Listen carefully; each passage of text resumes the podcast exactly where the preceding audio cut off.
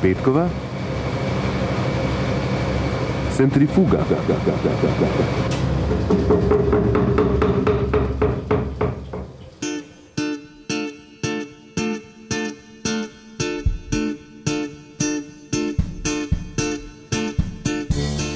Teden je minil na visokih obratih, spet alarmantne COVID-ne številke, spet novi posnetki kolskega ministra, spet nejasna navodila glede preverjanja pogoja PCT in testiranja, spet politične menjave vodstvenih kadrov in spet v prazno izrečeni pozivi političnih predstavnikov. Zdaj je čas, da stopimo skupaj, da vsakdo naredi, kar lahko.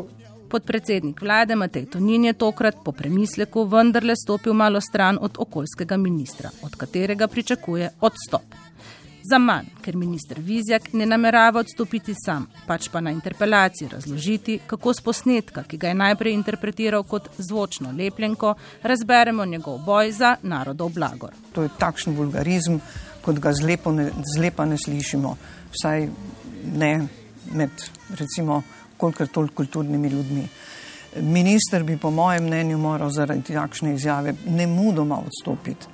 Tako je o Vizjakovih vulgarizmih razmišljala akademikinja Alenka Šelih in logično sklenila.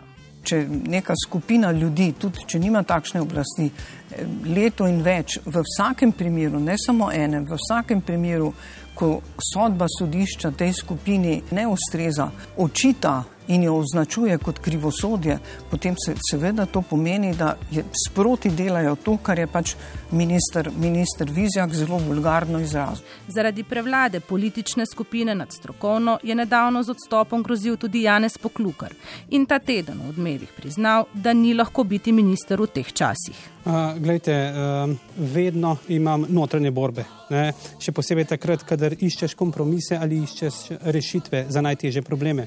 Ta trenutek je tako pomemben in težak, da moramo zdravstveni delavci držati skupaj in zdržati. Samo to nam slovencem zagotavlja, bom rekel, lepo novo leto. Pristopi k reševanju krize so različni. V torek, ko smo dosegli drugo najviše število potrjenih primerov okužbe od začetka epidemije, 4481, je predsednik države na svojem Instagram profilu zapisal: Bolj ko razmišljam, bolj sem prepričan, da je cepljenje edini uspešen način, da skupaj obvladamo COVID. Hashtag President Pahor. Od srede naprej mu ni treba več razmišljati o kandidatih za ustavnega sodnika, saj je bil s 46 glasovi in niti enim več potrjen njegov četrti kandidat, Rok Svetlič. Naredil bom vse, da bo lahko prav vsak človek, posebej tisti z roba družbe, brez kapitalske moči, brez ekonomske moči in tako naprej, verjel, da ima v pravo Republike Slovenije zanesljivega zaveznika. Opozicija in tudi strokovna javnost o tem nista najbolj prepričani. Sploh, ko gre za ljudi imigrante. Svetlič naj bi lani na posvetu o zakonu o tujcih in migracijah povedal, da mora država, če ne želi ostati postmodernistično mehkužna, za zaščito svoje simbolne vloge gospodarja v skrajnem primeru tudi streljati na migrante ob nezakonitem prečkanju državne meje. To, kar smo ta teden videli na meji med Polsko in Belorusijo, je daleč od postmodernistične mehkužnosti. Z terena se je oglašala naša dopisnica Polona Fijavš. Ta trenutek eh, se nahajamo v gozdu, nekaj kilometrov od meje, kamor smo prišli s pomočjo humanitarne organizacije, ki rešuje eh, ljudi, ki so ujeti tukaj v gozdu med Belorusijo in Polsko. Naleteli smo na skupino 19 kurdov, med njimi pet otrok, najmanjši štiri mesece star, ki so v gozdu že od 24. oktobra. Eh, s pomočjo polskih prevajalcev so nam povedali, da so jih beloruski vojaki odvrgli v gozdu, da so poskušali prečkati že devetkrat in jih je polska uh, vojska in policija zavrnila, morali so nazaj, skušali so prositi za politični azil, pa ga kljub temu, da je to njihova pravica v mednarodnem pravu, tukaj niso dobili. Evropska unija je podobnih prizorov na njenih mejah, pa tudi znotraj njih, vajena. Iz Grčije, Hrvaške, Italije, Španije. Obstaja tudi statistično vrednotenje njene migracijske politike. V Sredozemskem morju je od leta 2014 do danes po uradnih statistikah Mednarodne organizacije za migracije umrlo 23 tisoč ljudi. Mogoče se bo kaj spremenilo potem, ko so evropski poslanci v četrtek podprli preoblikovanje Evropskega podpornega azilnega urada v polnopravno agencijo za azil. O obetih izvršna direktorica Nina Gregori. Najbolj pomembno je to, da bomo lahko v večji meri in bolj um, operativno pomagali določenim državam članicam, ki so pod migracijskim pritiskom. Imeli bomo možnost um, intervenirati um, v tako imenovanih kriznih situacijah z, z strokovnjaki iz držav članic.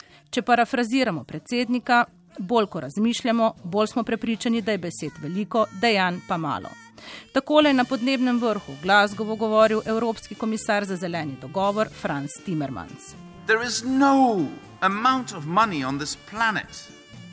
na vsem planetu ni dovolj denarja in tehnologije, ki bi omogočila, da se prilagodimo na podnebne spremembe, če hkrati ne storimo nič za njihovo blaženje. Poglejte, kaj se dogaja že zdaj, ko se je temperatura zvišala za 1,1 stopinje in si predstavljajte posledice, če se zviša za 2 ali za 2 stopinji in pol. Razkritje nevladne organizacije Global Witness je delno pojasnilo, zakaj se dramatičnost v besedah bolj odločno ne prelije v prakso. Med odločevalci se je v Glasgowu namreč smukalo vsaj 500 lobistov v imenu podjetij iz fosilne industrije.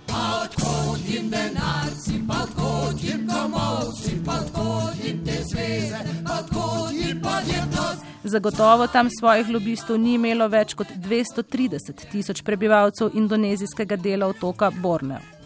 Tam so po poročanju agencije Reuters znanstveniki med letoma 2002 in 2018 dokazali, da dvig dnevne temperature za eno stopinjo Celzija dobesedno otežuje življenjske pogoje in povzroča za 8 odstotkov več smrti.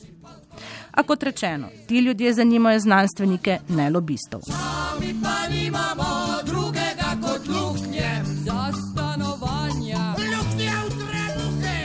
Bolj ko razmišljamo, bolj smo prepričani, da je kriza priložnost. Tudi za gospode, ki se gredo posle v energetiki. Od tega tedna na čelu Elektra Ljubljana ter Elektra Maribor nista več dolgoletna direktorja Ribič in Sovič ostaja uganka, kdo bo vodil GNI, saj je vladajoča politika Roberto Golobu odrekla podporo za novični mandat. Pravi, ti si na genu, si tam je predsednik Robert Golob. Jaz sem rekel, seveda, ja, pa se njega bomo umaknili. Čak sem rekel, umaknili, zakaj pa?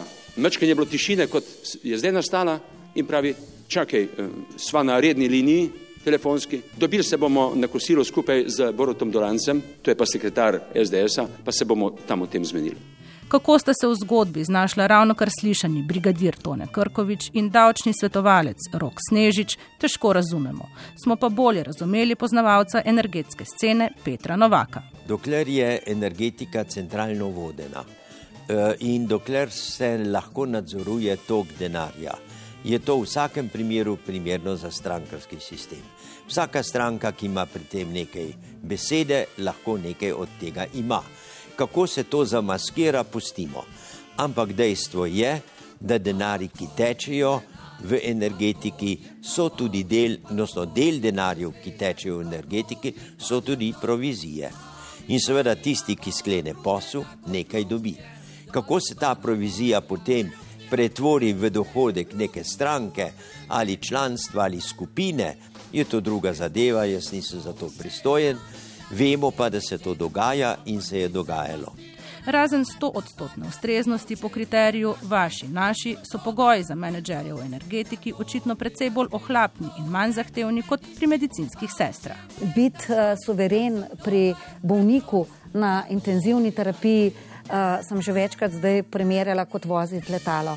Mi lahko vsi dobro šofiramo, ampak letala pa ne moramo voziti. Govorila je predsednica zbornice zdravstvene in babiške nege Monika Ažman da bomo v tednu, ko se je le parafiralo dogovor med vlado in sindikati o zvišanju plač v zdravstvu in socialnem varstvu, bolje razumeli razsežnosti kadrovske podhranjenosti, bomo sedaj slišali še glavno medicinsko sestro na UKC Ljubljana, Zdenko Mrak. Recimo en podatek, v mesecu oktobru je bilo objavljenih 190 prostih delovnih mest za diplomirane sestre, za tehnike zdravstvene nege. Prejeli smo cirka 60 prijav. In od teh 60 prijav vsi kandidati, ki so se prijavili, niso izpolnjevali pogojev. Bolj ko razmišljamo, bolj nas čudi, da je zmanjkalo proračunskega denarja za povišanje plač za osnovno in socialno oskrbo v domovih za starejše, s katerimi je politika lani tako zelo sočustvovala. Irena Ilešič Čujovič, predsednica sindikata zdravstva in socialnega varstva. Nikoli pa se v okviru pogajanj nismo niti pogovarjali, še manj pa strinjali o tem, da bi se preložilo breme višjih plač na oskrbovance in tukaj bi moral pristojni minister narediti svoje delo.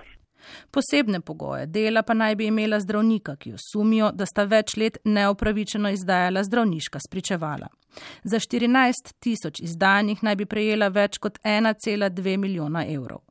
Cenik nezakonitih storitev je raztolmačil vodja sektorja kriminalistične policije policijske uprave Maribor Beno Meglič. Za eno izdano zdravniško spričevalo za področje športne dejavnosti sta osumljena zdravnika prejela med 10 in 15 evri, za zdravniško spričevalo v zvezi z zaposlitvijo med 50 in 65 evri, za izdana COVID-19 potrdila pa je eno osumljeni zdravnik zahteval od 30 do 40 evrov za eno potrdilo. Samo med klic zdravnika sta imela več kot tisoč strank, lažno COVID-no potrdilo pa naj bi si priskrbel tudi policist.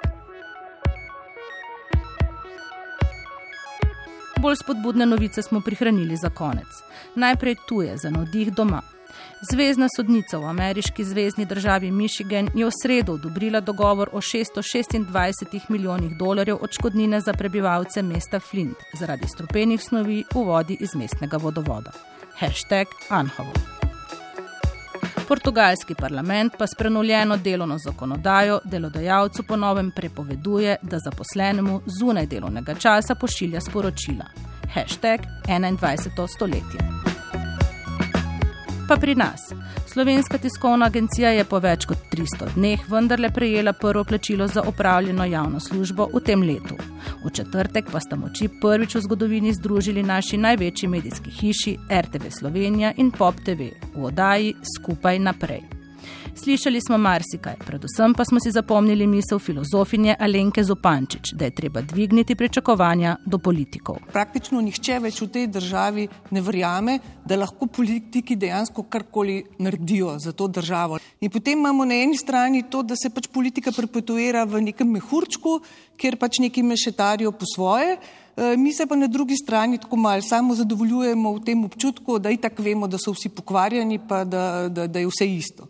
In, dokler, in to je potem neka taka zelo, bi rekla, perverzna simbioza, uh, že mal mazohistična. To pomeni, da moramo tudi mi mal se zbuditi iz tega, da, se, da smo že zadovoljni, sam če vemo, da so vsi pokvarjeni, pa enostavno mal naivnosti najti.